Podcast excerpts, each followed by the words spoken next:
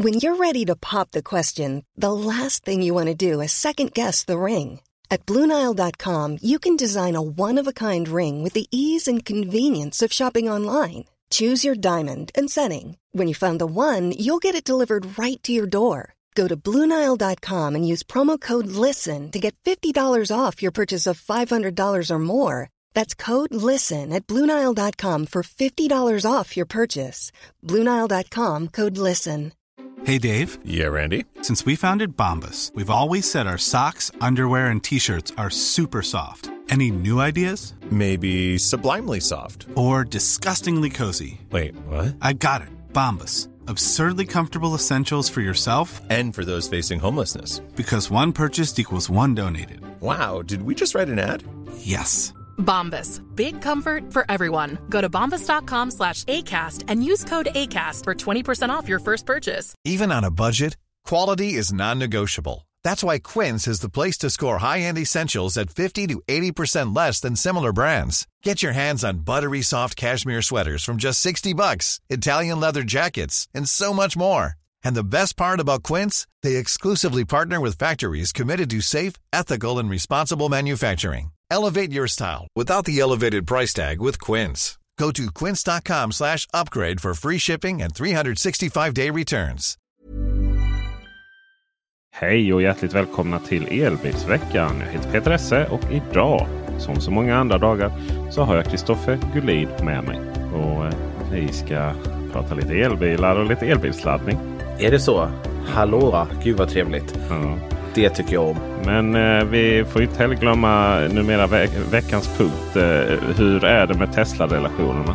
Jag eh, ska ju faktiskt hämta en Tesla idag när ni lyssnar på det här måndag. Eh, men eh, innan dess, nu fredag när vi spelar in, så har jag ju hunnit bli lite irriterad på de här alla Tesla-bilarna som åker runt. Eh, Jag vet inte om du har märkt det, men för resten av oss i Sverige som inte bor i Skåne så börjar det närma sig höst och det börjar bli lite mörkt ute. Mm. Vilket gör att då kommer lyserna på på bilarna. Mhm. Och har man en Tesla bakom sig, då kan ljusen stå både upp, ner och höger och vänster. Det, hur, hur svårt är det att ställa in lyktorna rätt? Det är ju bara Tesla som har det här problemet. Eftersom de har kränkt så otroligt många Model Y i sommar. Så det är helt sjukt alltså. Och man ser att det är fel för att det är bara en lykta som pekar rätt upp i luften. Som man har en precis bakom sig.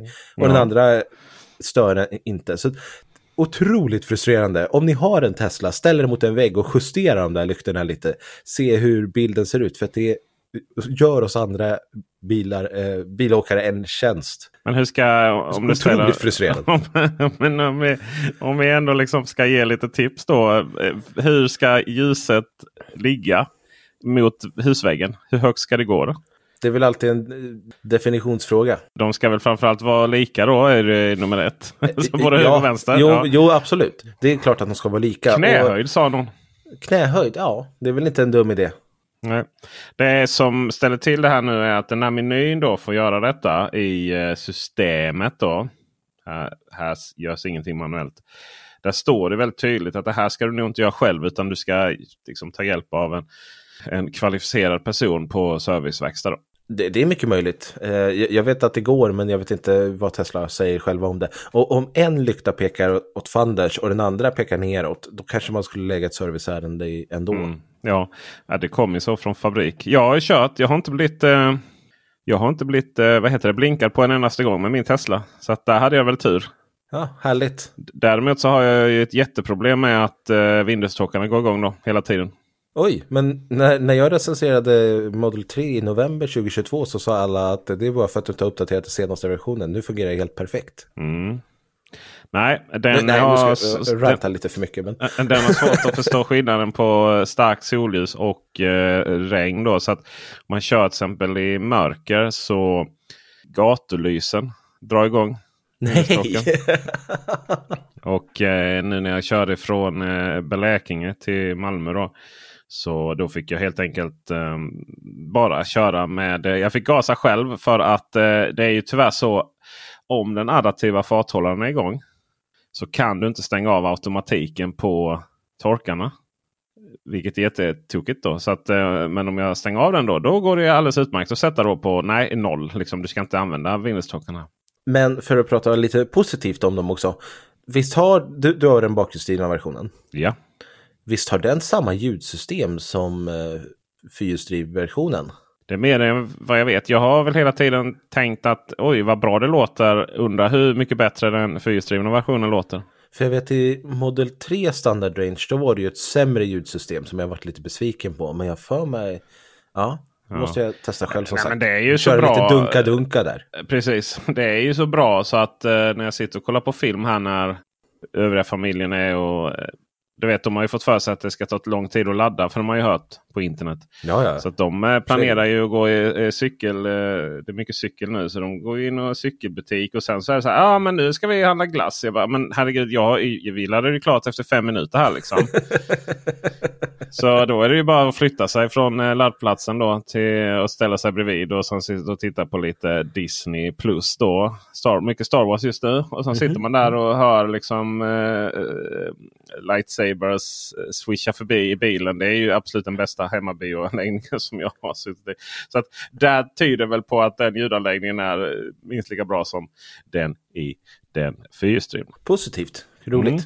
För ljud har de verkligen gjort bra. Men vi har, ska inte bara prata Tesla idag. Nej, vi ska ju prata om... Eh, vi har fått feedbacks. Vi har fått ifrån läsare. Lyssnare framförallt kanske. Skrivare är de ju. För det har kommit via forumet det här. Det var en lång diskussion om hur vi pratar om publik laddning och sådär. Eh, sen så, sen så kan vi också, vi kan också välkomna lyssnare nummer eh, 3834. Eh, John från Polestar. För han hade nämligen lyssnat på senaste avsnittet. Alltså John är deras PR-kille i Sverige. Han har lyssnat på förra avsnittet och hade lite rättningar att skicka. Oj då. Men vi kan väl, eh, vi kan väl eh, marinera den rättningen lite och börja prata om eh, publik laddning. Hur pratar vi egentligen om publik laddning och har, är det ett problem? Ja, för efter förra veckans avsnitt så dök det upp en tråd på elbilsveckan.se eh, där man dels tackade oss för att eh, vi hade våra olika åsikter och att vi käftade emot varandra sådär och det var ju kul att höra. Käftade emot. alltså, är vi så tillbaka till så skolgården i Kallingen nu eller? Ja, Vi hade intellektuella det samtal där vi inte var 100% överens kan man säga. det var någon som skrev om jag minns rätt, eh, fortsätt käfta emot. Ja, jag vet, Så jag vet. Eh, men det dök också upp en fråga om det här med eh, hur vi pratar om publik laddning. Eh, att det kanske blir lite väl rörigt när vi pratar och att vi kanske gör det mer komplicerat än vad det faktiskt är. För en nybörjare så kan det nog vara väldigt förvirrande om man hörde förra veckans avsnitt och inte vet någonting om publikladdning. Och man kanske aldrig har laddat publikt och bara laddat hemma och så är man lite osäker och hörde vår diskussion där om plug and charge och kortterminaler och gud vet allt vad vi pratade om. Då, då kan det bli förvirrande. Och då kommer ju lite frågan så här, hur, hur ska vi lägga vår nivå när vi pratar om publikladdning? Och hur ska vi diskutera det? Ska vi alltid räkna med att ni som lyssnar inte vet hur det fungerar eller ska vi räkna med att det finns någon form av kunskap eller ska vi räkna med att ni är extrema entusiaster och att man kan gå riktigt nördigt ner? Vilken nivå ska man lägga sig på liksom? Det är ju en mycket spännande fråga som vi kanske kan, eh, vi kanske kan eh, ånyo ta upp den samtalet i forumet här elbilsveckan.se. Ni får jättegärna gå in och kommentera det. Jag har ju en liten dilemmat här är ju att behovet, det vill säga svaret på laddfrågan. Det här att man kan inte bara ge en kort sammanfattning hur det fungerar. Den, den finns ju inte. För det finns ingen kort sammanfattning över hur saker fungerar i det här. Utan det är olika på olika operatörer för det första. Och det är ju också det här att men vad har vi för förväntan på det samtalet? För att ofta går det ut på att vi vill någonstans så har vi parametern pris. Det är ju en parameter. Enkelhet är ju en parameter. Inlåsning så att säga är ju en parameter. Vilket vi då så, när vi har pratat om till exempel Circle K och vi pratar om Tesla så är ju inlåsning låter ju som något negativt. Men det är ju inte nödvändigtvis något negativt. I till exempel Tesla-laddning så är ju den här inlåsningen något väldigt positivt för Tesla-ägare. Då. Det är ju minst sagt väldigt enkelt att åka och ladda och dessutom billigt. Eh, jag har ju efterfrågat mer inlåsning i Circle K. Det vill säga att ju mer jag laddar ju mer kaffe får jag. Till exempel. Det är en sån inlåsning. Mm.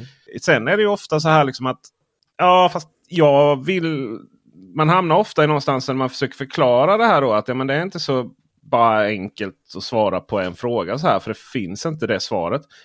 Eh, utan det handlar lite om pris. Och så, Nej men pris spelar ingen roll. Ja, men jag vill bara ha det enkelt. Jaha, vill du bara ha det enkelt? Alltså spelar inte pris någon som helst roll? Då är det bara att ta ett roamingabonnemang. Om inte pris spelar någon som helst roll eh, så, så, så, är det ju nästan bara att göra det då. Ellie, Plug Surfing, Northe. Det ja. finns ju flera stycken. Elton är det nya nu. Elton är det nya ja. Mm. Den är faktiskt helt okej. Okay. Det är ju ungefär samma priser överallt eh, som eh, ordinarie priser. Men sen har de också ett abonnemang du kan prenumerera på. Och då får du 30% billigare på de ordinarie priserna då. Men det abonnemanget kostar 549 kronor i månaden. Ja, just det. Det är ju, där har vi en annan utmaning. Eh, det här att eh, så fort det kommer med abonnemang och sådär så handlar det väldigt mycket om individuella individuella behov. Mm. Eh, de som har abonnemang eller då exempelvis så var det ju när det kostade nästan 200 kronor. Men om du körde mycket hela tiden där så sparar du in det på två laddningar. Liksom. Men medan nu så är priset lite högre. Och skillnaden då eh, vad ska man säga, priset är så högt på det abonnemanget så att det blir billigare att inte använda abonnemang om du laddar då utan det abonnemanget. Men då har man egentligen här, då har man då i olika taggar och appar och så vidare. Eh, så att mycket av de här samtalen, man måste, jag tror att man måste förstå också att när vi pratar om, om de här, då pratar vi utifrån ett samhällsfenomen. Inte just utifrån en persons exakta individuella behov. Nej, jag tror att det är svårt att, att göra det just för att det är så extremt olika. Många som har elbil idag har aldrig laddat publikt för att de kopplar in kabeln när de kommer hem och sen, sen behöver de inte ladda publikt. Så det här är en icke-fråga för dem. Vissa gör det på semestern. De kan räkna på sina två händer hur många gånger de har laddat publikt det senaste året. Liksom. Och sen har vi ju andra som laddar desto oftare. Vi har eh, de som bor i lägenhet som alltid laddar publikt. Och, eh, de som kör 4, 5, 6 tusen mil om året, de laddar ju jättemycket publikt. Men det är ju helt olika eh, kunskapsnivåer där och det är helt olika behov där. Vad som är bäst för den som kör 4000 mil är antagligen inte bäst för den som kör eh, 1200 mil om året och kanske laddar publikt tre gånger per år. Mm. Så det är ju helt Verkligen. olika behov. Och där har man ju också det här igen. Då kommer man till att alla diskussioner måste inte all, nödvändigtvis alltid handla om en själv. För det kan vara så här, men jag vill bara köra in till eh, macken och blippa kortet. Varför får jag inte göra det? Jo men det får du göra. Det är bara, men då får du åka till OK Kurta istället. Ja, men jag vill bara kunna koppla in kabeln. Ja men då får du åka till Circle K. Vilket i och för sig är ett ganska nytt fenomen då sedan en vecka tillbaka. Ja. Som, som vi ska språka om alldeles strax. Och sådär. Ett argument som jag dock har lite svårt för det är det här att ja, men det spelar inte så stor roll för att eh, 90 då eller vad man drar till med 95 laddar ändå alltid hemma. Jo fast vi, det, är ju inte en, det är ju inte en verklighet som vi vill ha. För att vi vill ju inte att elbilar ska vara reserverat till de som kan ladda hemma. Det är en helt absurd tanke alla måste kunna köra elbilar. Men då, då kommer ju frågan. Eh, tidigare så hade vi Ellie Charging som var rimligt prissatt. Du fick okej okay priser publikt. Och det kunde du använda när du, jobb, när du liksom laddade publikt och du körde mycket. Och till exempel om du inte hade laddare hemma. Idag så har du ju inget sånt alternativ egentligen. Nej, utan alternativet är ju att du får betala helt enkelt mer för att du bor i lägenhet. Och det är väl i och för sig dessvärre någonting som gäller i de flesta frågorna i samhället. att äga sin egen bostad, att dessutom då att, att äga hela bostaden och inte bara eventuellt en andel i en förening då som är bostadsrätt. Det är alltid billigare i alla sammanhang. Du har mer valfrihet. Du kan styra ditt eget liv och så vidare. Men det där är ju så att säga en fråga som är av en större dignitet än eh, vad en elbilspodd kan lösa. Absolut, men samtidigt så är ju elbilen, det är framtiden. Vi, eh, liksom, om 10, 15, 20 år då förväntas ju alla nya bilar vara elbilar. Då kan vi inte hålla på eh, att elbilen ska bara vara reserverad för de som kan eh, ladda hemma, utan det måste ju lösas på en, he alltså en helt annan nivå. Men precis, men precis. Jag har ju försökt vara jätteaktiv med liksom att trycka på det här att vi måste tvinga BRF, hyresvärdar och då att installera laddstolpar hemma så att det finns en möjlighet. Idag har vi ju fortfarande, jag, jag flyttade själv precis ifrån en förening som inte ville ha Eh, laddstolpar för att de tyckte att det blev eh, dyrt och komplicerat och ingen, fanns inget intresse, fast 20 procent av de boende var intresserade. Så tyckte inte resten av styrelsen det vi har ju jämt nya eh, kommentarer i Facebookgrupper där hyresvärdar säger nej för att det kostar för mycket eller det är det ena med det andra. Så kan vi inte fortsätta. Ska publik laddning ligga på 5-6 kronor per kilowattimme, då kommer det inte finnas något ekonomiskt intresse av att köpa elbil om man bor i lägenhet. Nej, det är ju frågan där är ju också det spännande här är ju att vi kanske inte kommer kunna komma ner så mycket lägre på när det kommer till snabbladdning längs motorvägen. Men det kanske inte heller snabbladdning längs motorvägarna som är den primära lösningen på att man inte kan ladda hemma. Utan här vill vi ju då se som Kristoffer säger i, i bostadsrättsföreningsgarage och egentligen alla garage. Mm. Ganska så kanske det blir, kommer ju bli ganska så långsamma laddare då så, så, långt ner som på kanske 3,7 kilowatt. Just för att det ska finnas laddare i, på varenda parkering. Men det kommer vi också få se i gatunätet. Det vill säga att det kommer vara.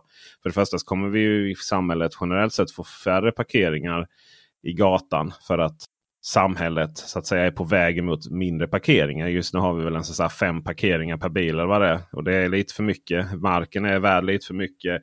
Vi behöver mer ställen att promenera och cykla på. Och sådär. Men där det finns parkeringar och framförallt parkeringshus då, så måste det ju finnas laddmöjligheter i, hos alla. Och sen, sen är det ju frågan hur långt ner man kan komma ner i priserna. För att säga att en om vi har ett normalt elpris.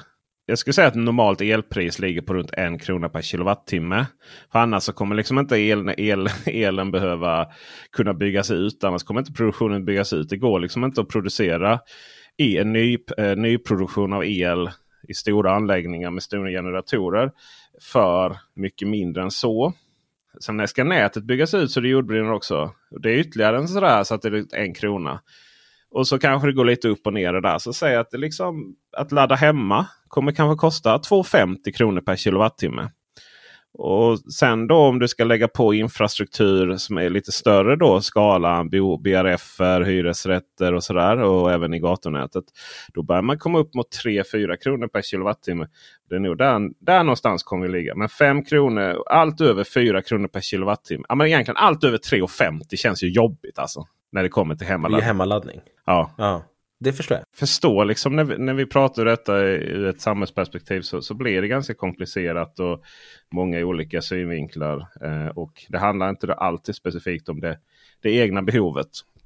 Just nu kan jag säga så, så laddar jag för just nu när detta spelas in. Fredagen den vad har vi för datum? Den 29 september. Det stämmer. 09.41 eh, just nu. Så är det rekorddyrt för veckan. Det är 22 öre per kilowattimme. Mm. Och för en annan som inte kan ladda hemma så är det där bara eh, sparka på den som ligger ner. Nu har ju jag tack och lov fortfarande ett aktivt LE-abonnemang så att jag betalar 3,15 om jag åker till Ionity, vilket jag aldrig mm. gör för att jag orkar inte stå med taxifolket här. Eh, så jag brukar betala 3,90 istället. Okej, okay, vad betalar 3,90 då? Mm, recharge. Eh... Alltså via samma abonnemang? Ja, ja, precis. Ah, recharge, okay. Incharge, eh, Eon, Clever, för att nämna några. Och sen har jag OKQ8 också, 549. Alla, alla vägar går till Eli fortfarande. Hur, vad kan man vill eller inte. Men det är på väg att försvinna helt och hållet. Två månader till. vi, ja, vi har, eh, och för er nytillkomna lyssnare så beror det på att de abonnemangen med de priserna inte längre erbjuds från Elli. Nu är det något billigare månadskostnad men det är betydligt dyrare att ladda. Och DC-laddning utanför Ionity det är ju med abonnemang. Svindyrt. Det är uppe på 7 kronor kilowattimmen över det. Men för att wrappa upp den här diskussionen då. Ska vi konstatera att det, det finns inget av eller på svart eller vitt. Utan det är, vi, vi pratar högt och lågt ibland för att det är högt och lågt. Det finns inget enkelt svar på frågan hur ska jag publikt ladda. Nej, Så är det. Och eh, nej, vi kan inte heller gå igenom hela vi kan inte göra hela bakgrund, framtid och så vidare så fort vi pratar om en fråga heller. Eh, däremot så har, eh, ska vi gå vidare här och eh, korrigera oss. Nej, jag ska korrigera mig själv. Ja, det är faktiskt inte första gången jag har nämnt att eh, Polestar 456 är baserat på SCA-plattformen. Alltså samma, eh, samma plattform som allting som kommer från Geely nu nästan. Men detta är inte korrekt då. Eh, fick jag höra härifrån Polestar direkt. Och jag visste ju att det finns ett brittiskt spår i detta på Polestar 5 och 6. Det ska ju sägas att Polestar 4 mycket riktigt då är baserat på SCA-plattformen. Så det är liksom systerbil till, till eh, på långt håll. Det, man kan säga att det är en kusin till Seeker X och EX30. Och eh, liksom sysk, syskonbil nästan då med eh, eh, eh, de lite större bilarna här nu sen. Från... Polestar 4 var den där där de hade tagit bort eh, bakrutan. Just det. Mm. Den som är liksom lite anonym nästan i, uh, i, i, i, världen. Uh, på grund av att den lanserades som kinesisk då. Medan här i uh, Sverige så har vi fokuserat så hårt på Polestar 3 helt enkelt. Ju. Men Polestar 4 är då systerbil till Seeker 001. Så det är exakt samma plattis där. Va? Och även eh, gamla godbiten JO 01. Ja, ja, den ja. 2022. Kommer redan 2022 faktiskt. Eh, men även eh, Seeker 009 är samma. Då kommer det vara samma som Volvo. Och nu kommer jag inte ihåg vad den hette. EX, inte EX, nej. EM90. EM90, så hette den. Ja, ja just det.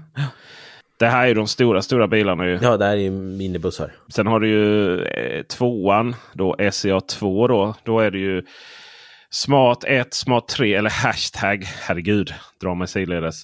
Vilket dåligt namn. Eh, Volvo X30 Seeker X. Det är, det är de lite mindre då. Och sen så har vi för de här sportbilarna då. Eh, CS heter den. SCAS, Lotus Elettre och Lotus Emeja. Emeja. Kan ni kolla in Feber för övrigt. .se som var och kollade på Eh, den sistnämnda eh, här om sistenes. Men någonstans här om, om det kommer liksom en eh, EX, EX60 här nu så blir det ju också då typ systerbil till Polestar 4 kan vi nog tänka oss. Eh, för den, har nog, den är nog lite för stor för den här lite mindre plattformen. Vilket fall som helst så är inte då eh, Polestar 5 och 6 en del av detta överhuvudtaget. Eh, så. så. Wikipedia, där jag, denna källa till eh, fakta som jag alltid går på, den har alltså fel. då. Jag kollar också källan för Wikipedia. Och den artikeln nämner faktiskt ingenting om att det skulle vara någon SCA-grej. Så att jag trodde faktiskt att det här var... Eh, jag visste att det var britterna här då som, som höll på att utveckla en egen aluminium eh, plattform för dessa bilar. Men att jag hade väl, i och med att jag läste då att den var en del av SCA så tänkte jag väl att det fanns väl liksom, du vet man tar, en, tar delar av den och så kör man eh, en liten egen abro, brittisk abrovink på det där. Vet Sätter ratten fel och lite sånt. Men så var det inte. Fick vi in den lilla rättningen. Så vad är det för plattform då? Ja, den är ju helt egenutvecklad. Okej, okay, den är helt egenutvecklad. Mm. Helt egenutvecklad. Eh, och ja... Så det är inget hav där? Det, det, är, precis, det är varken ett litet eller stort hav. Inget innanhav eller någonting. Polestar Platform. Det, det, syns nästan på bilarna. De är ju helt annorlunda jämfört med allt annat som, som finns. Jag vet att eh, jag blev förvånad någon gång när du sa att de var på samma plattform. Och jag, det låter mer logiskt att de är helt egna för det är ju sjukt snygga bilar som är helt annorlunda från allt annat som har visats. Ja, de kan ju vara snygga även om de är Men jag vet, jag förstår vad du menar. Det brukar eh, finnas. framförallt, framförallt så är det då. Jag, jag läser utan till här då ifrån eh, pressmeddelandet som gick ut 2022 02 15 om just den här då eh, plattformen. Och eh, det är då en epoxylimmad aluminiumplattform som är utvecklad av fler än 280 ingenjörer från Polestars brittiska forskning och ut, forsknings och utvecklingsavdelning baserad i Coventry, England det är inte konstigt att, de, att det bolaget bränner pengar när de anser sig ha resurser för att utveckla en egen eh, sportbil på det sättet. Mm. De, det är ju detta som är Polestar, är det inte det? det? Är precis, det, inte det, det är det jag menar. Kan vi, kan vi bara peta, peta, kan vi beta av trean och fyran här nu och sen så kommer vi till femman och det är då som Polestar faktiskt blommar ut och blir Ja, det elbilsmärke som de borde vara. Nu hänger de ju bara på Volvo. ja de gör det. De gör det. Och det, det är liksom Volvo-kopia. Det är från Polestar 5 som det kommer liksom bli ett eget märke. Sen samtidigt, jag måste säga. Jag, jag använder ju ordet kanske lite bäst före-datum för Polestar 2 och jämför lite med tidningsdöden och sånt. Tyckte han inte om det? Det har han inte kommenterat överhuvudtaget. Nej, okej. Eh, det fanns, nej det, det var väl rätt dessutom egentligen. Just ut för ett ekonomiskt, eller det var ju rätt naturligtvis i och med att det var jag som sa det. Men framförallt var det ju rätt ur ett, eh, ur ett metaforiskt perspektiv att Polestar 2 är ju den bilen som de hänger kvar med. För att de inte har några andra bilar. Men det är ju klart att det, det är ju trean och fyran som ska, de ska ju levereras och lösas. Men jag vill ändå liksom nyansera den lite. För grejen med Polestar 2 är ju att den var ju delvis före sin tid. Jag har ju insett det nu allt eftersom jag kör den och, och sådär. Och systemet, allting är ju det som vi saknar i Volvo. Det, det finns, alltså, om man bara tar en sån här saker som att jag, jag vet att det är ingen jättegrej. Det är egentligen en jättetramsig grej. Men jag stör mig som tusan på det här med att man att man har satt igen startknappen på Volvo-bilarna med en liten plugg. Man har inte ens liksom brytt sig om att, att, att uh, sätt, ta en ny liksom, interiörs... Nej, nej, vi sätter, på, vi sätter i en liten plugg där liksom. För att elbilar behöver ingen startknapp.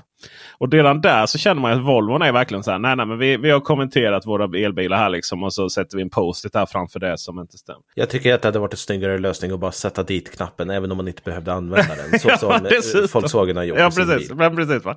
Eh, men, men sen också det här hur systemet någonstans är det egna och det är väldigt tydligt. och det är väldigt Det är ett tydligt härligt system som man känner är anpassat till att det här är en elbil. Det, det finns inget tveksamhet om att Polestar 2 är en elbil faktiskt. Och sen så visst, den är inte den snålaste bilen på planeten. Eh, den, eh, nu har den ju större batteri och är, har snålare motor och sånt där. Den för sig som en härlig elbil. Den eh, har eh, systemet igen. Jag kommer tillbaka till det. att det här, jag, jag, jag vet att jag, bilen vet att den är elbil. Det är inte alltid bilar känns som att de vet det. Sen är den, den, är, den är rätt nice att köra. Faktiskt, den, den, är så här, den har ju den här, det är ju som för och nackdelar med allting. Alltså den har, vi pratar om den här stora kardaltunneln. Och, både fram och bak. Eh, baken är ju bara fruktansvärd. Alltså det är ju, du, Ja, ja, du köper ju inte. Polestar 2 för en familjebil. Den är ju stor som en familjebil på utsidan men inte på insidan. Den är ju, jag menar den har ju den är ju, eh, den är ju jättestor för sin klass. Eh, Det är ju till och med så att det är vi pratar ju om att eh, Seeker X, de vill ju kalla sig en C-bil då, alltså C-klass. Jag vill mena att det är en B. EX30, EX30 är B då. Medan Polestar de definierar sig som en D, alltså en helt annan jävla bokstav. Eh, just för att den är så stor. Men på insidan så har den ju kortare avstånd, eh, hjulbasen, än, än Seeker X. Så att det är verkligen en stor bil på utsidan och en liten på insidan. Men jädrar vad man sitter bekvämt där. Man känner ju att man, man, man kan ta över världen när man sitter där i den cockpiten. Det är verkligen formgjuten för den själv alltså. Jag kan tänka mig att det, det är någonting som eh, faller dig i smaken. Den Ja. här cockpit-känslan. Ja, det är, jag- tänker tillbaka till liksom Audi cockpit. Ja, nej, men Ja, det är fullt, rimligt, fullt rimligt att du Ja, tycker om precis. det. Ja. Nej, men jag håller med dig. Jag tycker att eh, det är en fantastisk bil när man sitter i förarsätet. Det, Men jag vill inte sitta någon i något annat sätt i den bilen. Jag det är, det är, säger så här. Polestar 2 är en bil för ensamstående, alternativt frånskilda män i 45-årsåldern som har råd att köpa har råd att köpa den. För det är en ganska dyr bil när det kommer till att man faktiskt måste ha båda paketen. Har du hunnit smält eh, fronten? Jag minns inte om du tyckte att det såg bättre eller sämre ut. Den nya plastfronten där. Polestar 2 har ju inte en plastfront framför. Mm. så som jag liksom älskar och lärt känna Polestar 2. Den här bilen nu som är i slutet av sin, någonstans som, som ska vara en övergång då, alltså den här nya uppdaterade Polestar 2. Som är någon form av övergång då till att vi ska lära oss älska designen på Polestar 3 och 4. Då passar ju den bättre. Alltså den är ju mer enhetlig jämfört med hur de nya bilarna ser ut. Men någonstans så är det ju klart att så som jag ser Polestar 2 framför mig är ju den här enorma grillen. Jag har ju varit ärlig med att säga att jag tycker om grillar och jag tycker att det är synd att vi går ifrån det även om det inte behövs så är det fortfarande en snygg designgrej. Och jag tycker att det, Polestar 2 ser snyggare ut i verkligheten. Ja. Jag har ju sett den också. Men alltså jag kommer ju sakna den stora grillen i fram. Ja. Det är ju själva det är definitionen av Polestar 2. Det är ju det. För ett, för ett bolag som helt vill eh, ta bort grillen så som man har gjort på Polestar ja, egentligen 4, 5, 6 ju. Och sen så har man liksom, jag vet inte, Polestar 3 har ju egentligen ingen, eh, den har ju egentligen ingen design framåt. Framsidan är så här, det, jag vet inte vad Polestar 3 är. Jag börjar, all, jag börjar, jag vet inte, det också, känns också som en sån här mellanbil nu. Inte innan den ens har kommit ut. Designmässigt liksom. All design som Polestar gör är, det ska liksom plattas, inte plattas till, men det ska tvålkoppsformas och ändå vara snygg. Och någonstans så är crescendiet, alltså slut, slutmålet av all Polestar design som började med en ganska boxig Volvo då. Eh, som skulle vara väl S40 då. Eh, som sen blev Polestar 2 som är ganska boxig och ganska så raka linjer. Och sen ska liksom eh, slutmålet då är Polestar jätte, jätteströmlinjeformade Polestar 4 och 5 och 6. Förlåt. Ja, då får man ju börja täcka igen lite luckor. Liksom. Och även Polestar 4 skulle jag väl säga är... Ja, men Polestar 4 är väl också eh, egentligen också någon form av slutmål faktiskt. Det är samma sak. Det finns liksom ingen, det finns liksom ingen rak grill där framme. Eh, och Polestar 3, det var så här, men vi, vi, vi har, okay då, vi, vi, vi har den här lilla raka linjen där framme. Typ så som att det är en grill. Fast den ska vi sätta igen den här lilla luckan med en liten plåt eller metall, eh, vad heter det, plastbit. Då, och så har vi vår liksom, smart zone där. Eller safety zone. Eller vad heter den? Ja, jag vet inte riktigt ja. vad de kallar det. Nej, eh, smart, Men, eh, smart zone. Men eh, så där är ni ju, det är ju verkligen sådär. Det är som att det är så. Om man kollar på Polestar 3 så förstår man överhuvudtaget inte varför de bara satte en liten lucka där framme. Det ser ju jättekonstigt ut. Nu, ja, jag har aldrig tyckt om designen på den bilen. Men någonstans så var det lite så här om man, om man gick från Polestar 2 där vi sa så här. Ja men där har vi en jättestor jädra grill som vi ska sätta igen. Okej okay, men då får vi göra en lite mindre grill då som vi ska sätta igen på Polestar 3. Och sen på Polestar 4 så är den helt borta. No. så det är alltså det designspråket. Där, där nailade vi hur de hade det mötet. Liksom. Nu har vi, så nu har vi förstått dem.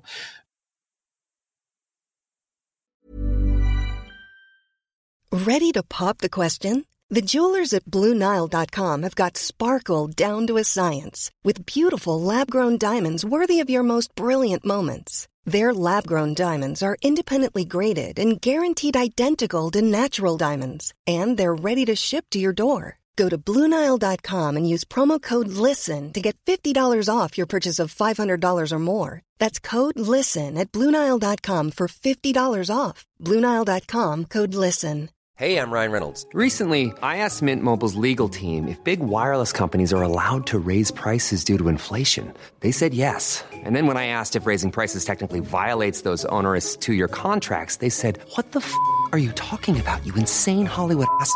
So to recap, we're cutting the price of Mint Unlimited from $30 a month to just $15 a month. Give it a try at mintmobile.com slash switch. $45 up front for three months plus taxes and fees. Promoting for new customers for limited time. Unlimited more than 40 gigabytes per month. Slows. Full terms at mintmobile.com. Hiring for your small business? If you're not looking for professionals on LinkedIn, you're looking in the wrong place. That's like looking for your car keys in a fish tank.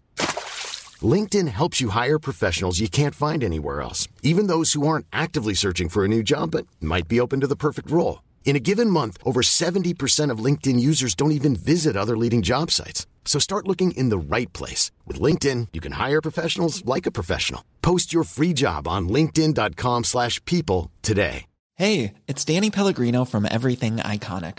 Ready to upgrade your style game without blowing your budget? Check out Quince. They've got all the good stuff, shirts and polos, activewear, and fine leather goods, all at 50 to 80% less than other high-end brands. And the best part? They're all about safe, ethical, and responsible manufacturing. Get that luxury vibe without the luxury price tag. Hit up quince.com slash upgrade for free shipping and 365-day returns on your next order. That's quince.com slash upgrade. There's never been a faster or easier way to start your weight loss journey than with PlushCare. PlushCare accepts most insurance plans and gives you online access to board-certified physicians who can prescribe FDA-approved weight loss medications like Wigovi and Zepbound for those who qualify. Take charge of your health and speak with a board-certified physician about a weight loss plan that's right for you. Get started today at plushcare.com slash weight loss. That's plushcare.com slash weight loss. plushcare.com slash weight loss.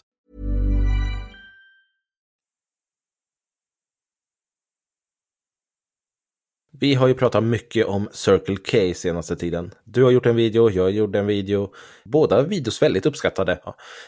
Och eh, där du klagade väldigt mycket på Circle K, jag var lite snällare mot dem. Och eh, Circle K eh, kommer en vecka efter typ och bara, ja ah, nej men nu löser vi massa problem här med autocharge. Kunde de inte ha droppat det lite tidigare? Gud vad respektlöst från dem. ja, ja det var Du har ju... gjort en video på det här, så Ja. gå igenom. Vad är det som har hänt? Ja, men autocharge är ju en spännande teknik. För det första så handlar det helt enkelt om att vi kör fram till ladd laddaren och stoppar in kabeln. Och sen så börjar den ladda automatiskt. Sen när vi laddat klart så dras pengarna från det kort som vi har lagt in i Circle K-appen. Och Detta är ju naturligtvis så som laddning ska fungera. Är rent praktiskt, inte nödvändigtvis rent tekniskt. Det finns vissa säkerhetsproblem med just autocharge-tekniken. Och autocharge är någonting som inte alla laddstolpar stödjer, men många. Och det är inte bara Circle K som har det utan vår vän Harris på elmacken i Gislaved satte igång autocharge för tusen miljoner år sedan ungefär. Eller två Mm. i alla fall. Och Kristoffer Rask var ju där och har gjort en, att, eh, inte en, att- ja, både artikel och video om detta. Han säljer ju det som en företagstjänst. Just så att precis. eh, företagen sen kan bli fakturerade och så slipper de anställda Ja. bry sig om det där med betalning. Vilket är en jättesmart lösning. Helt genial idé. Det finns två stycken sätt att lösa automatiskt. Det finns ju tre stycken sätt att lösa automatisk laddning egentligen. Det ena är ju Tesla då. Som det är, där har vi det här inbyggda eller inlåsta systemet. Har du en Tesla kör du till en Tesla Supercharge så stoppar du in laddaren och så börjar det ladda blixtsnabbt. Och sen så dras det på kortet då som du har lagt in i Tesla-appen. Och Autocharge fungerar ju egentligen exakt likadant så som vi tror Tesla fungerar. Det finns något som heter MAC-adresser i bilar precis som det finns i nätverkskort på datorer. Och denna MAC-adressen skickas in i laddaren och den säger hmm, Jo men den här känner vi till. Den här adressen känner vi till. Den är ju kopplad till Peter Esse. Och han har ju lagt in ett kort här i appen. Ja men då, då sätter vi igång laddningen här då. Och sen så när det är avslutat så dras det från det här kortet. Första gången att komma igång så är det, eh, måste vi aktivera detta naturligtvis. Det kan ju omöjligt fungera utan att vi har skickat in vår MAC-adress från bilen första gången. Vilket då betyder att vi aktiverar i appen genom att trycka på vi laddar hem Circuit K-appen. Vi trycker på hamburgermenyn längst upp till vänster och sen trycker vi Auto Charge. och så lägger vi in bilen, bilens modell. då. Och sen så säger den ja, nu får du åka till Circle K här. Men du måste åka till en Circle K Max som har autocharge på sina laddare. För det har inte alla. Utan det är... Åh. ja, precis. Där, där tappade Där, där, där, var problemet. Ja, precis. Ja, men det är så, och det grejen var att jag åkte ju till Circle K, en av de första sån Circle K-laddarna här i Skåne. Fast en av Sverige. Det är norr om Malmö, Flädje. Och så stod jag där och så bara, men varför funkar det inte? Alltså, det- den kom inte upp att jag kunde, eh, att jag kunde då ansluta. För första gången man gör det då så säger den anslut din bil så vi kopplar ihop det. Bara, men för helskotta. Och så ser jag bara, nej men här är ju inget A på den här. Nej, då fick jag åka till Lund då, som har A. Så vad är skillnaden mellan Lund och Flädje? Du som aldrig någon, knappt har varit i Skåne. Min gissning är att eh, det är de här riktigt gamla värdelösa laddarna som Circle K började med där. Medan det i Lund är de här snygga fina Hypercharge-laddarna Ja, som men- har display på sidan. Just det, just det, just det. Just det. Absolut. Och eh, det, är, det, det stöd står inte på all hårdvara. Och det är det här, nu kommer vi tillbaka till det här att det aldrig är enkelt när det kommer till att prata om laddning. Nej. För det är alltid massvis med olika parametrar. Så, så är det ju. Eh, Så först och främst så måste Circle Case laddare stödja det. Och det ser man i appen. Det finns ett A ovanför alla laddare som gör det. Så det kan man ju kolla. Sen så måste ju bilen stödja det också. Och det är ju nämligen så att det finns en viss säkerhetsproblematik runt det här. Jag skulle inte använda ordet säkerhetsrisk. Möjliga scenarion skulle ju vara att hela den här databasen läcker ifrån Circle K. Och sen är det någon som får tag på den. Och sen så är man jätteduktig tekniskt så att man då kan ändra mackadressen till någon stackare. Alltså mackadressen på sin egna bil till någon annan stackare. Och sen åker man och tankladdar gratis hos Circle K. Och så har det begåtts ett bedrägeri där. Varför skulle inte det gå på plug and charge? Plug and charge verifierar sig på ett helt annat sätt. Okay. Det, är det, är inte bara den här... eh, För, eh, Autocharge verifierar sig med den här verifierar sig med en publik nyckel. Mm. Det är MAC-adressen. Alltså det är det som finns. Det är lite som det är lite som man blippar en tagg. Det är därför du till exempel på Circle K kan använda vilken tagg du vill för att kicka igång laddarna. Så länge du har liksom blippat den första gången. då. För att det är samma sak där. I Circle K-appen. Och det är alltså Circle K Charge. Det är inte Circle Ks vanliga app. Eh, trycker du handbärmenyn längst upp till vänster och sen väljer du tagg. Då trycker du bara lägg till tagg. Och nästa gång du blippar valfri tagg eller vad det kan vara som har någon form av en NFC-funktion. Ja, då är den ihopkopplad. Så då är det ju den publika taggen. Eh, publika liksom, mm. Ja, taggen. och, och läser, jag, läser jag av den från dig, Kristoffer, din bostadstagg där. Då kan jag kicka igång laddningen också. Så, så funkar det ju. Mm. Men det är ju så här att om jag läser av din tagg eh, till din bostad, om du har det. Och, och sen så försöker jag blippa den för att komma in i din bostad. Det kommer inte hända någonting. För att där, precis som med din bostad, så finns det en icke-publik nyckel som kommunicerar på något sätt. Och det är samma sak med Plug Charge. Där kommuniceras icke-publika saker genom en rad lager av säkerhets ja, servrar. Då hos biltillverkaren då, framförallt är det ju i detta fallet. Och så, och, så, och så pratas det och så kommuniceras det. Och jag kan ju säga det, det kan ju ta en minut innan Plug and Charge drar igång. Liksom, för det ska ju kommuniceras runt halva Tyskland. Ja. Medan Autocharge är så här, okej, okay, glatt. Så där ligger liksom säkerhetsproblematiken. Och sen, sen, när det kommer, det vet du bättre än mig Kristoffer Gullin, att när det kommer liksom till IT-säkerhet då, oavsett om det är bilar eller datorer, så är det ju oftast inte de scenarierna som man kan tänka sig som är problemet. Utan det är de scenarierna som man inte kan tänka sig som är problemet kanske. För de scenarierna man kan tänka sig är oftast lösta på något vis. Oftast liksom ja, säkerhetsmässigt. Ja. Men framförallt så handlar det väl om att om den här databasen med de här Mac-numren eh, skulle läcka då så, så så är ju det kört. Då, kommer ju liksom, det, då får de ju avaktivera alla de bilarna. Mm. Nu, nu får man väl hoppas att det där inte är en Excel-fil på någons lokal dator. Då, va? Circle K, utan att det är ett ekosystem. Ett, ekosystem men att det är ett system som helt enkelt är krypterat. Så att ingen människa kan se det förutom i vissa sammanhang. och sådär. Så att det, vi får väl hoppas att det helt enkelt är löst. Det största problemet skulle jag säga, det största praktiska problemet är ju att en rad biltillverkare har sagt att det här med att skicka ut MAC-adresser. Det gör vi ju inte. Så här, så här dålig säkerhet har vi inte på och våra bilar. Det finns ju en anledning varför jag inte har gjort en, en video på det här än. Det är ju för att jag åker en Cupra Born. Aj, aj, aj. Och den är byggd på MEB-plattformen från Volkswagen. Och Volkswagen, de säger ajabaja, MAC-adressen, den är vår, den är absolut inte din. Den är minsann inte din, nej. Nej, den får inte du, eh, den får inte du överhuvudtaget eh, veta. Eller någon annan heller, helt enkelt. Eh, för att, och det gäller ju alla MEB-bilar då. Det gäller ju Volkswagen ID 3, 4, 5, 7. Cupra Born, det gäller Skoda Enyaq. Skoda Enyaq. Och alla de här. Audi Q4. Personligen så ser jag det här som ännu ett nedslag för Volkswagen. Deras bilar blir ännu mer ointressanta för att Autocharge är det som jag tror fler tillverkare eller fler laddoperatörer kommer satsa på istället för plug and charge. Ja, de har inget annat val. Vi ska, precis, precis. Vi ska också konstatera att jag fick en lista här på saker som är... Grejen är att i Circle K-appen så säger de till exempel att Audi Q8 och Audi Q8, eh, ska vi säga, Audi Q8 E-tron då förstås. Eh, Audi E-tron, alltså original elbilen från Audi. Audi E-tron GT att de inte funkar. Men de slumpar inte MAC-adresser så vitt jag vet.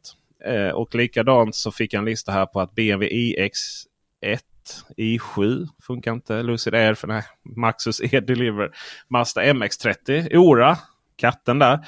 Och tyvärr, Kristoffer Gullin, inte heller Rolls-Royce Spectre. Då. Eh, Osis. Jag som ja, hade lagt en beställning. Hon, jag har ingen aning vilken bil. Jag visste inte att ens de hade. Honda E eh, funkar inte. Och lite sådana saker. Och som en lång jävla diskussion här i, på Teknikveckan då efter jag skrev nyheten. Eh, inte då Chademo heller. Det är ju Nissan Leaf. Men det är ju för att Chademo-protokollet inte har stöd för autocharge. Det har ja. ju bara CCS-protokollet där är det ju andra begränsningar. Där är det ju inte bilarna som begränsar. Där är det ju Nej. själva laddporten som begränsar. Hade Nissan tagit något form av ansvar för sin Nissan Leaf så hade de satt CCS när de gjorde sin refresh 2018. Eh, ja, så är det ju.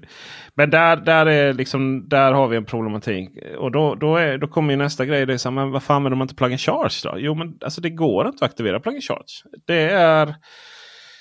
Plug and charge är ju liksom mer den här riktiga då, tekniken som är fullt med säkerhetsmekanismer inbyggda så att det inte ska bli något konstigt och så vidare. Men det betyder också att hela den, hela den verifieringsprocessen ägs av biltillverkarna istället. då. Och de släpper inte in bara sådär hux flux.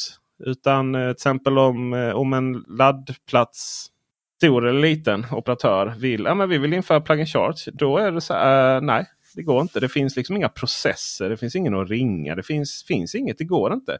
Utan eh, biltillverkarna har på något sätt valt att nej, plug and charge. Det har vi. För det första har vi det i långt färre bilar än vad, eh, vad vi har i, med autocharge. För det första. För att det är långt ifrån alla bilar som stödjer det.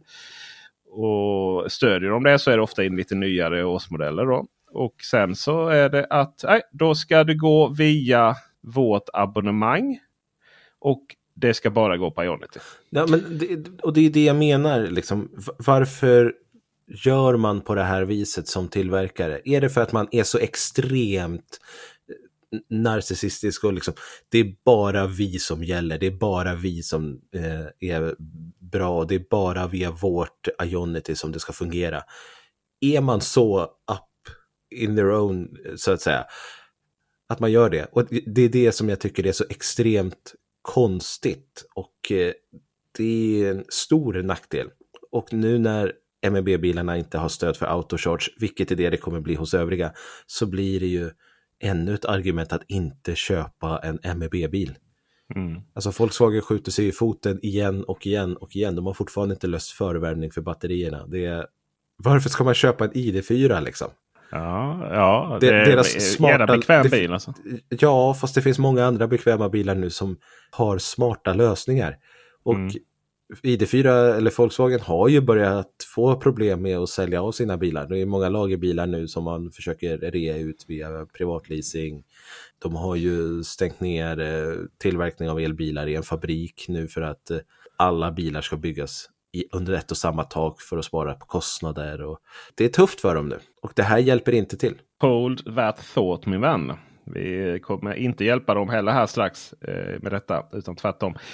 Eh, för att avsluta då så jag tror att eh, plug and charge handlar väldigt mycket om att det finns ingen som har ett intresse att driva det. Det är ofta så. Det finns ingen, eh, alltså ingen produktägare är ett vackert ord det finns liksom ingen som... Ja, men så här, det, det, finns ingen kommitté någonstans som säger att ja, vi måste börja koppla ihop alla systemen här nu. Det, det finns ingen som vinner någonting på det. Och tillverkarna har inget ekonomiskt incitament att, att göra något eller lyfta finger. För att de, precis som laddoperatörer, nu känner jag hur jag är irriterad här, men de, ja. precis som andra laddoperatörer, har inget intresse av att göra bilägandet eller billaddningen smidig för oss bilägare. De vill bara sälja bilarna. Det är hårda ord. Är, är, men... är, jag, för elak? Alltså någonstans så vill jag ju att du har fel där. Utan äh, säger liksom att det är klart att de vill det. För att det är enklare laddning. Det är en USP, de säljer bilar och så vidare. Men Alltså någonstans så tror jag ju på att handling visar eh, åsikter mer än att man snackar. Och det väl, får väl vara slutsnackat nu om, om fina ord. Och de får väl visa att de vill detta istället. då. Eh, helt enkelt. Mm. Så enkelt är det. Eh, några som då inte vill att du överhuvudtaget någon gång ska kunna förvärma din Cupra. Ever Gullin är Volkswagen-koncernen. För nu är det så här att existerande Volkswagen ID 3 år, 4 år, 5 år. Existerande Cupra Born, existerande Scureniac. Kommer aldrig få förvärma batteriet. På riktigt? På riktigt. Är, är, det, är det confirmed nu alltså? Eh, det är eh, det är bekräftat, ja precis. Eh, man, man, kan ja, säga att det formuleras ju på ett sätt som är lite så här. Man stänger inga dörrar, men man är ganska tydlig med att det här kommer inte hända. va? Utan så här säger då om man mejlar kundtjänst så säger de följande. Ett nytt regelverk från eh, UNECE e, som för övrigt står för det är också så här man bara slänger sig med. Det är ju, mm. är ju spännande. Men detta är alltså United Nations Economic Commission for Europe. UNECE. E. Det är alltså Ja, det är ju FNs, en av dess organ. Eh, och de eh, gör mycket. Men framförallt så är det de som är den här gruppen som sätter regelverk för hur bilar ska fungera eh, och vad de ska göra. I allt ifrån hur lampor får vara och, och ni vet de här skillnaderna finns på amerikanska och europeiska bilar och sådär. Eh, och det är också de som har liksom krav på att det ska vara automatisk eh, vad heter det, lane keeping aid eh, assistant eller warning. Det vill säga att den ska automatiskt köra in, in på vägbanan igen om man råkar somna och köra ut ur den. Eh, det här trötthetsvarnaren och att den ska varna så fort du kör en kilometer över hastighetsgränsen här på bilar framöver. Dessa är det gänget som ligger bakom det. Och man hänvisar alltså dit då i sitt, i sitt svar här. Och jag fortsätter. Eh, den kommer eh, eh, gradvis att implementeras i kommande ID-modeller med en mjukvara från 4.0 och uppåt. I och med denna uppdatering blir också förvärme av batteriet möjligt. Grattis! Alla som får då 4.0 uppdateringen kommer att få förvärme av batteriet. Som det ser ut just nu kommer inte förvärmning av batteriet att vara tillgänglig för ID-modeller som saknar denna uppdaterade hårdvara. Men det betyder alltså att för att få, då för, för att få 4.0 som stödjer förvärme så måste du ha ny hårdvara i bilarna. Och ny hårdvara i bilarna kommer du inte få i efterhand. Eh, det är slut med att skicka in eh, Volkswagen-bilar på verkstad Få uppdaterat uppdatera 12 batteri och allt vad det är för att få ny, eh, få ny mjukvara också. Då tänkte jag så här, okej, okay, men då är det ganska enkelt då. För att eh, från och med årsmodell 2024 då, då, var det, då tog jag ID4 som exempel. För det är ju liksom den det är ju den primära MEB-bilen. Då. Eh, så från och med årsmodell 2024 så kommer, eh, så kommer då eh, förvärme fungera och det kommer vara 4.0 på de bilarna. 4.0 är ju det här mjukvarusystemet som kanske egentligen skulle vara från början i bilarna. Det är liksom nu man har lärt sig. Man har gjort om det lite. Det ser helt okej okay ut och det innehåller rätt mycket smarta funktioner. Och det är lite sådär bättre. Ja, egentligen så bra som vi hela tiden hade hoppats att Volkswagen-systemet skulle vara. Så är inte fallet. Även om du, om du köper och får en levererad eh, årsmodell 2024 av Volkswagen ID4 nu så kommer inte den, den nya mjukvaran finnas där och den kommer inte heller kunna få det. Utan den hårdvaruuppdateringen kommer komma mitt i årsmodellen. Okänt vilken vecka. Volkswagen, vill ni inte sälja bilar? Alltså vad är det ni vill ni inte nå framgång? Jag har många gånger rekommenderat Enyaq till eh, många familjer och jag har varit väldigt positiv till ID4 överlag. Men jag känner att jag kan inte längre rekommendera en bil från eh, Volkswagen-gruppen. De, har, de måste få ordning på sitt skit. Ja. Det, det, så, här, så här kan man inte hålla på. ID3 släpptes för tre år sedan nu och de har fortfarande enorma problem.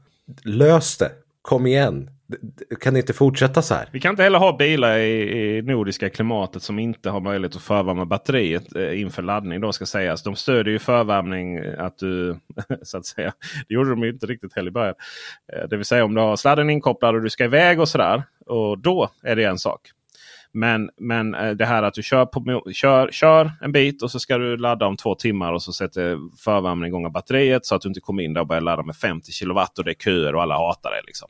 Det där är liksom en, vi är uppe på någon form av samhällsnivå här igen. Då, liksom, att vi kan inte ha bilar som, som bara för det är kallt helt plötsligt eh, laddas som om det är sniglar som kör, eh, liksom, kryper igenom kablarna. På senare tid så har det kommit väldigt många kinesiska bilmärken. Det är många som vill köpa europeiskt.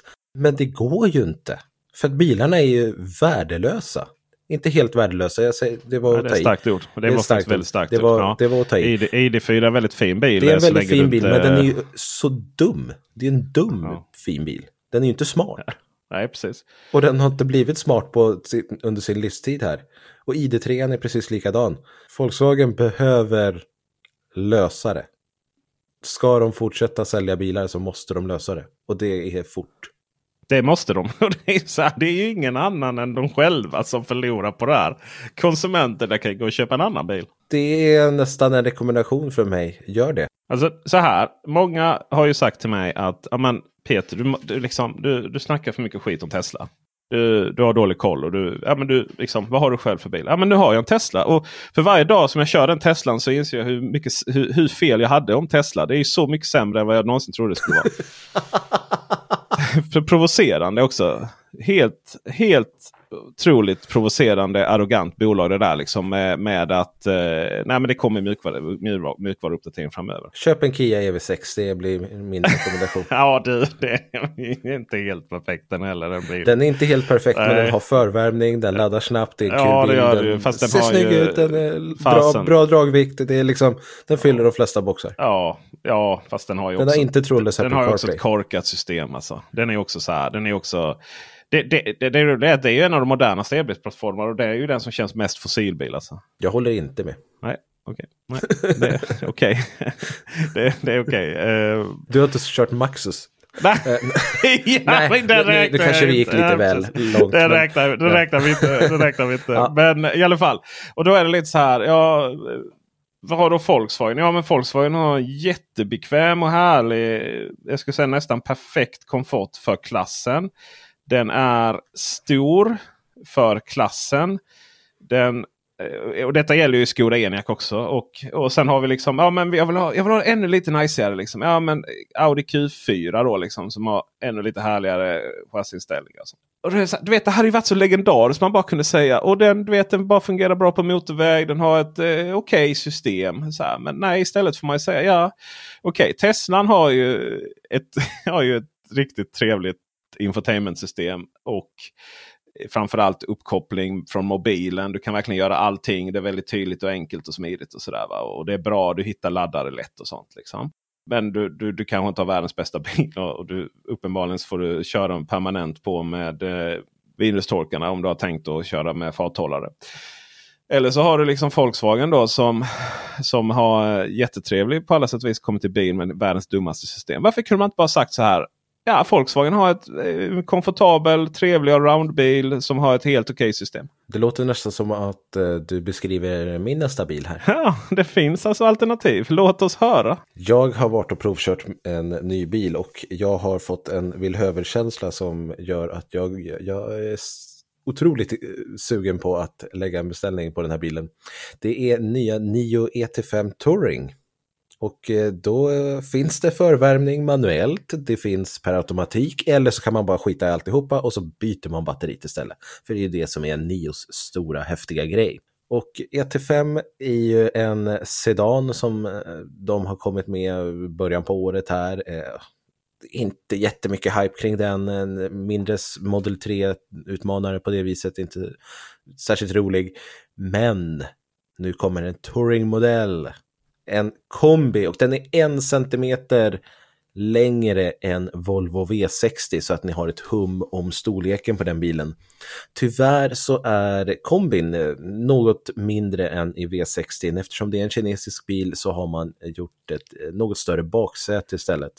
Eh, något jag tycker man har misslyckats med men det är skönt baksäte och det är så länge man är okej okay med att en mindre kombi så inte det är någon större fara. Har du sett den på bilder Peter? Den är Absolut. så galet snygg. Ja, den röda är fin. Både den blåa och den röda tycker jag är fantastisk. Bakdelen på den här ET5 Touring är något som Nio verkligen har lyckats med. Jag har ju varit förtjust i deras eh, design tidigare och eh, ja, nu, nu blir jag glad. Någonting som Nio har satsat mycket på också det är ju interiören och den är ju jättefin. Den är väldigt lik tidigare e, eh, Nio-bilar. Man känner absolut igen sig det finns ingen luftfjädring i Nios 5-seriebilar, utan här är det traditionell fjädring, ganska hård, något jag uppskattar. Jag tycker om när det är lite fastare, inte så gungigt. Jättesköna säten i den här bilen. Eh, också ganska hårda, det känns som att man, här sitter man bra och man sitter omsluten. Jag rullade omkring 35 mil eh, under provkörningen och eh, kände mig inte alls särskilt trött eller någonting 35 sånt. mil? Mm. Jädrar vad ni körde bil. Ju... Vi körde väldigt mycket bil. Det blev så mycket bil att det blev ett problem. För att jag fick ju stressa mig igenom genomgången av när jag skulle filma sen för att det fanns liksom inte tid. Rutten för min del var något för lång. För övriga journalister var det säkert fine.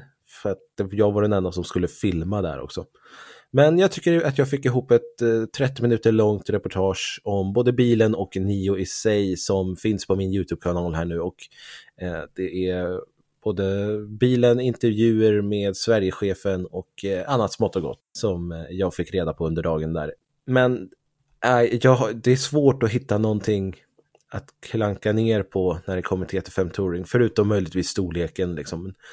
Men, men, men, men, men vänta, vänta. vi pratar alltså om en biltillverkare vars bilar kör eh, legalt rattfulla. Liksom, eh, för de pendlar mellan Precis. sträcken. Precis, och det har jag också sagt i tidigare recensioner. Nu kommer de med version 2 av sin mjukvara som de kallar för Banyan. Och det är en stor förbättring i den här bilen. Det går att, den är inte perfekt, absolut inte perfekt, den är absolut inte bäst, men den är funktionsduglig nu. Man kan lita på den på ett helt annat sätt än tidigare. Den har samma problem som andra bilar. 2.1-vägar är jobbigt och svårt. Bara ligga på motorväg så här, det, det funkar. Och man behöver liksom inte vara ha ont i magen som man behövde ha med ET7 till exempel, eller EL7. Men är den eh, fortfarande så att den avaktiveras så fort du bara eh, tänker på att röra ratten? Eller? Eller, eller har den lite gummiband så att säga som i... Nej, det är fortfarande ganska så.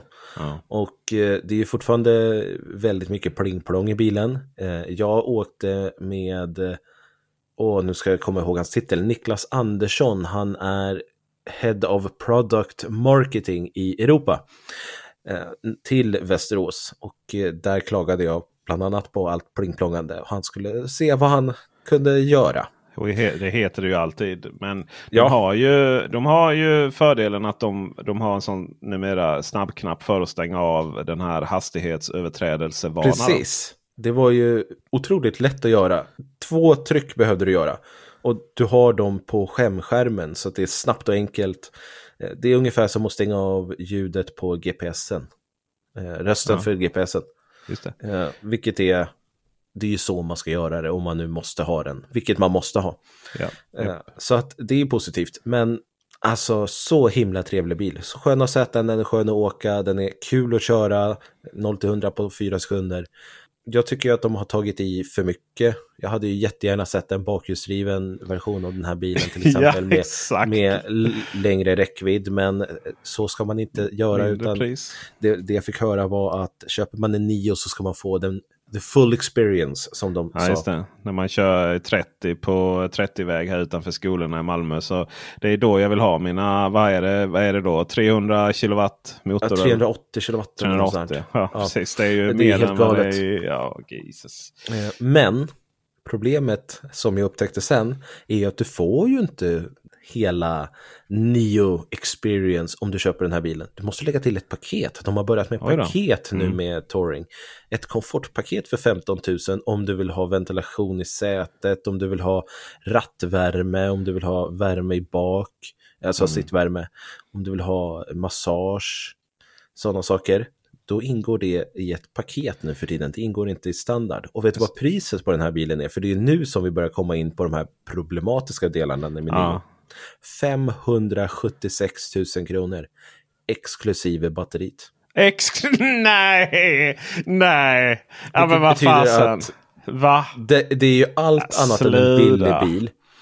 Och då behöver du fortfarande betala 15 000 för att eh, få rattvärme. Och det är här man blir bara, men på vad, va? Snälla säg att man slipper Naomi ändå. Ja och nej. Eh, det finns ett paket som kostar 7 500 kronor där eh, du får skärmen. Men om du inte väljer att lägga till det, varför någon nu skulle göra det, så får du istället en högtalare där fram, en annan röst men exakt samma funktionalitet. Så du Ja, har kvar en Nomi. Alltså skärmen, du menar själva Naomi-skärmen? För skärmen Ja. har man, ja precis. Precis, ja alltså Nomi-skärmen, den här Ja. lilla bollen där. Ja. Istället så får man en högtalare där istället som eh, Nomi pratar ifrån. Så att du kommer ha all funktionalitet som Nomi har idag, men du har inte den här bollen, du har en högtalare istället. Ja, vilken funktionalitet är det man skulle sakna då? är nästa fråga. Eh, skjut, Naomi Mate, ja precis. Ja. Ja, precis. Ja. Vem skulle betala 7 500 kronor för det? Jag gav dem flera exempel på vad jag hade kunnat vilja ha den skärmen kunna göra. Till Ja. exempel, så här, sätt på rattvärmen. Istället för att Nomi pratar och ger mig feedback så hade det ju varit mycket bättre att få upp en symbol på en stol och, eh, liksom, eller på Ja. rattvärmen där för att bekräfta. Men så jobbar man ju inte med den skärmen, vilket gör att den skärmen är bara två par ögon och lite maracas. ja, exakt. Det är inte riktigt värt 7 irriterande. 500 kronor. Sä- Särskilt när man sitter och lyssnar på så här P3 Dokumentär om något jättehemskt så sitter Ja. hon där och är jätteglad. Precis. Det finns ju ingen vettig människa som skulle betala de pengarna. Så där känner jag att eh, ni har fått lite hybris. Ja. Eh, åtminstone i Sverige så tror jag inte att det, det är någon som kommer kunna göra det. Däremot 5000 kronor för färgad bromsok i Airglow Orange. Det, det skulle jag kryssa direkt. 100 procent. 100 procent. Men i och med ET5 Touring så börjar de med lite fler paket. Vilket är synd för att då försvinner ju den här kö, köp en ny och få allt. För att det är ju fortfarande allt annat än en billig bil.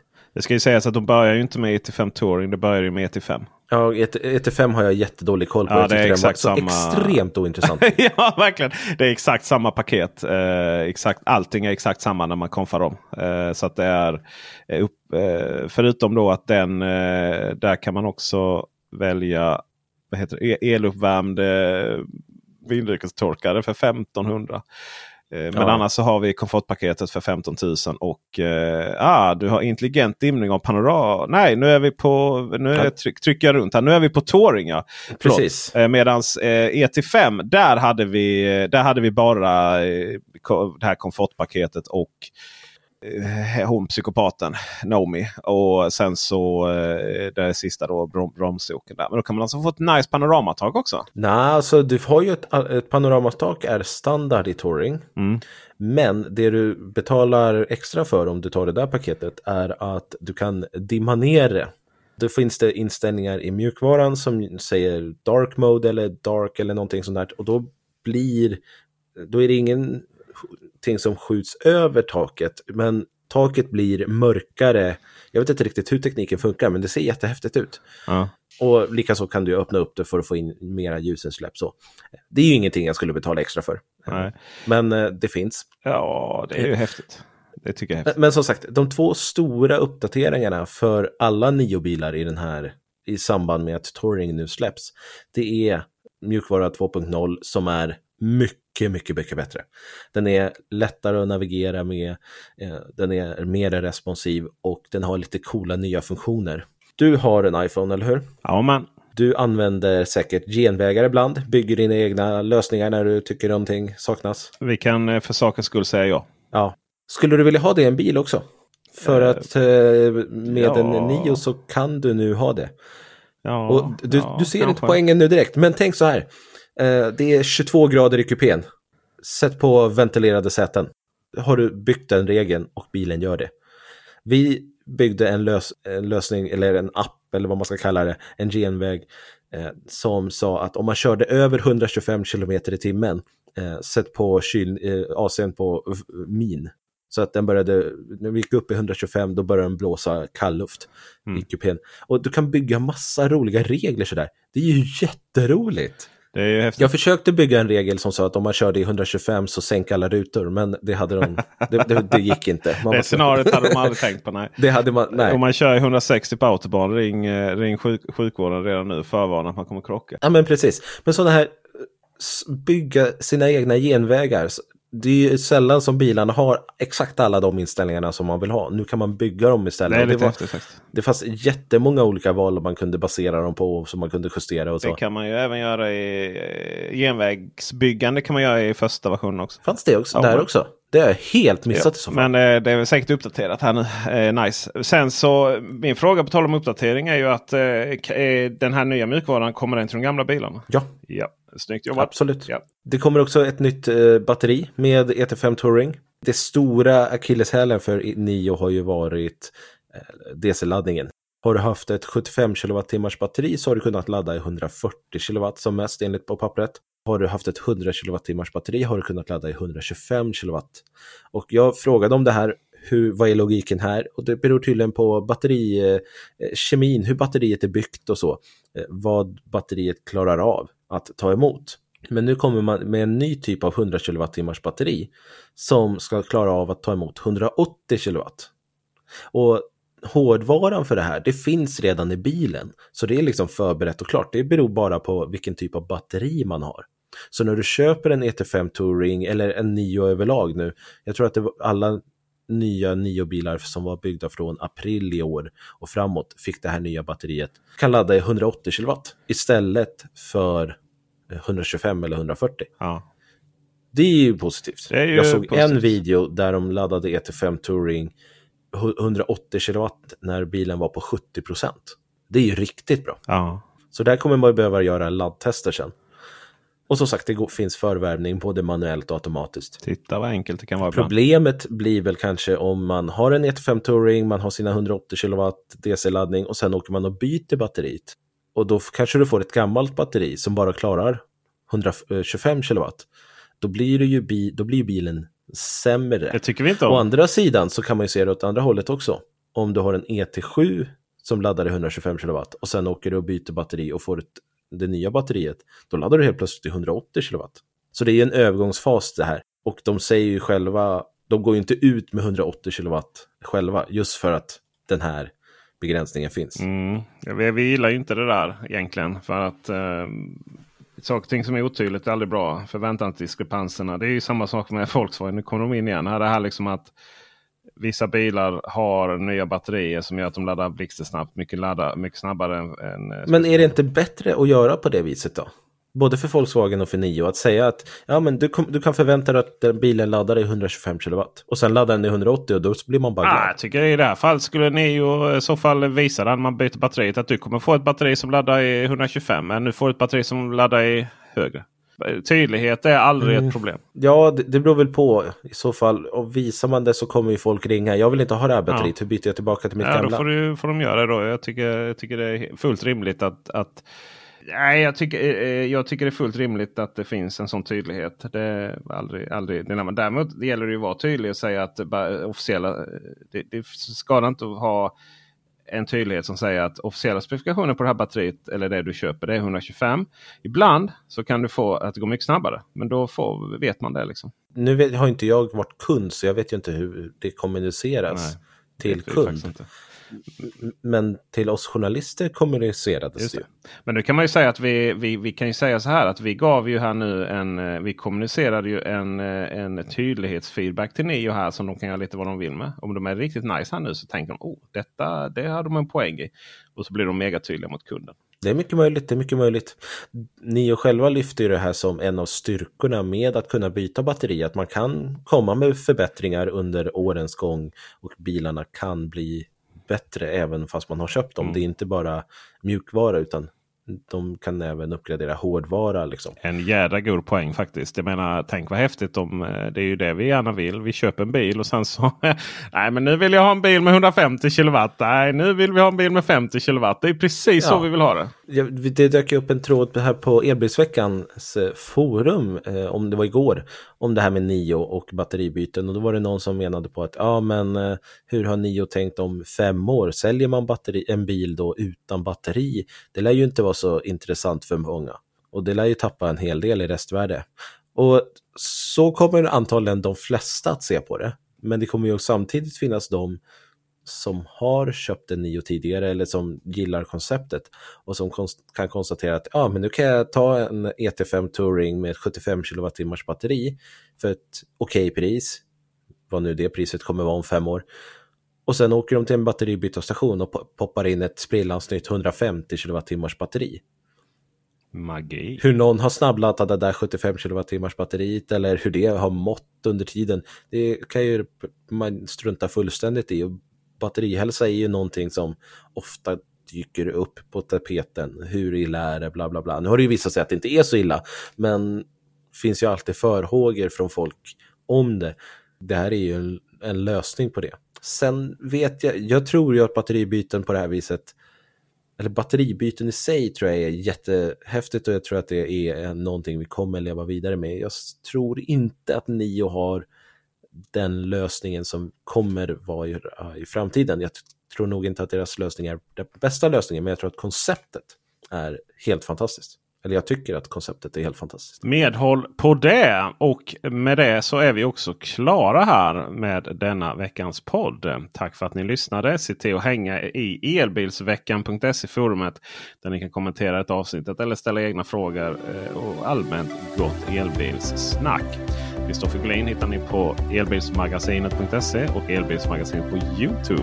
Och Peter Esse hittar man på Youtube under namnet Peter Esse. Man hittar honom också på Elbilsveckan under Esse-taggen så man kan tagga honom om man vill skälla på honom eller ge honom massa härliga komplimanger. Det brukar jag göra. Du är för kär. Du är för kär. På tal om komplimanger så har vi ju också ljudtekniker Dennis Klarin som förtjänar massvis med beröm. Och ni lyssnar också massvis med beröm för att ni lyssnar på oss. Så ha det gott så hörs vi nästa vecka. Hej! Hej på er!